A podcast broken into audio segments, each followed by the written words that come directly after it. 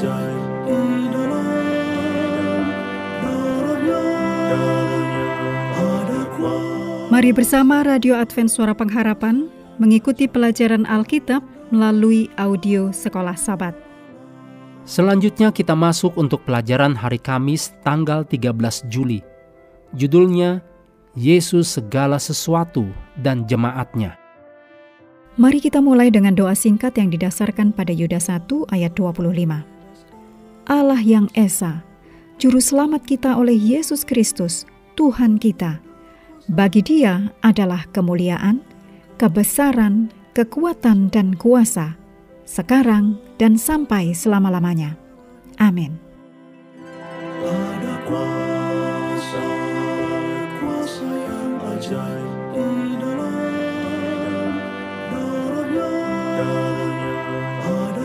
Umat Kristen mula-mula melihat dalam Mazmur 110 ayat 1 sebuah nubuat tentang Yesus yang ditinggikan.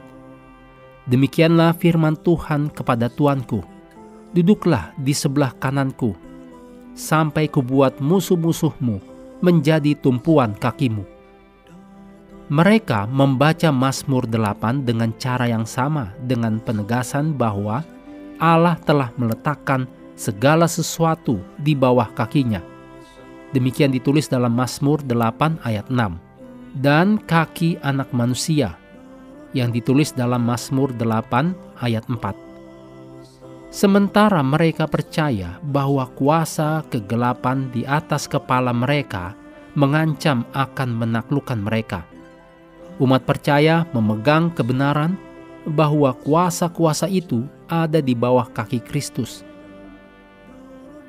Perhatikan baik-baik bahwa segala sesuatu telah diletakkannya di bawah kaki Kristus, dan Dia telah diberikannya kepada jemaat sebagai kepala dari segala yang ada. Demikian ditulis dalam Efesus 1 ayat 22. Sementara segala sesuatu adalah istilah yang universal dan inklusif. Paulus masih mengingat kuasa-kuasa yang disebutkan dalam Efesus 1 ayat 21.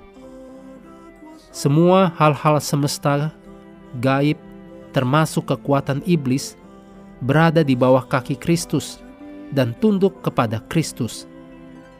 Efesus 1 ayat 22 dan 23 mencatat manfaat dari Kristus yang ditinggikan ke tahta alam semesta dan kekuasaannya atas segala sesuatu di surga dan di bumi bagi gerejanya, yaitu jemaat sebagai tubuhnya. Allah telah membuat Kristus menang atas semua kuasa jahat. Gereja yang disamakan secara erat dengan Kristus dan diperlengkapi oleh Kristus untuk segala kebutuhannya, dengan sendirinya menjamin kemenangan atas musuh-musuh. Kuasa Allah yang diperlihatkan dalam kebangkitan dan kemuliaan Yesus atas setiap kuasa di alam semesta telah digerakkan bagi gereja. Allah telah memberikan Kristus yang telah menang kepada gereja yang bersatu dengan Kristus sehingga disebut tubuhnya. Bagaimanakah kita orang percaya dapat mengenal Kristus yang dimuliakan dan mengalami kuasa Tuhan dalam hidup kita? Paulus tidak secara langsung membahas mekanisme atau strategi apa pun yang menyebabkan hal ini terjadi. Namun, fakta bahwa pasal itu adalah bagian dari doa Paulus bersifat sugestif. Paulus percaya bahwa Tuhan akan menjawab doanya. Paulus menegaskan kemanjuran memuliakan kuasa Allah dinyatakan dalam Kristus di hadirat Allah sendiri dan meminta agar umat percaya giat dalam menghidupkan hal ini. Renungkan pengalaman Anda sendiri dengan kuasa doa. Maksudnya bukan hanya doa yang dijawab, tetapi doa secara umum.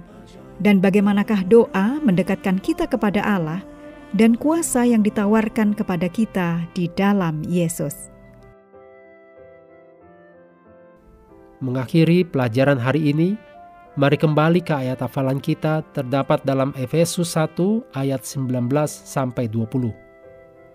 Melalui Roh Kudus, orang percaya akan mengetahui betapa hebat kuasanya bagi kita yang percaya, sesuai dengan kekuatan kuasanya yang dikerjakannya di dalam Kristus, dengan membangkitkan dia dari antara orang mati, dan mendudukkan dia di sebelah kanannya di surga. Kami terus mendorong Anda mengambil waktu bersekutu dengan Tuhan setiap hari, bersama seluruh keluarga, melalui renungan harian, pelajaran Alkitab sekolah sabat, juga bacaan Alkitab sedunia. Percayalah kepada nabi-nabinya yang untuk hari ini melanjutkan dari Mazmur 68. Tuhan memberkati kita semua.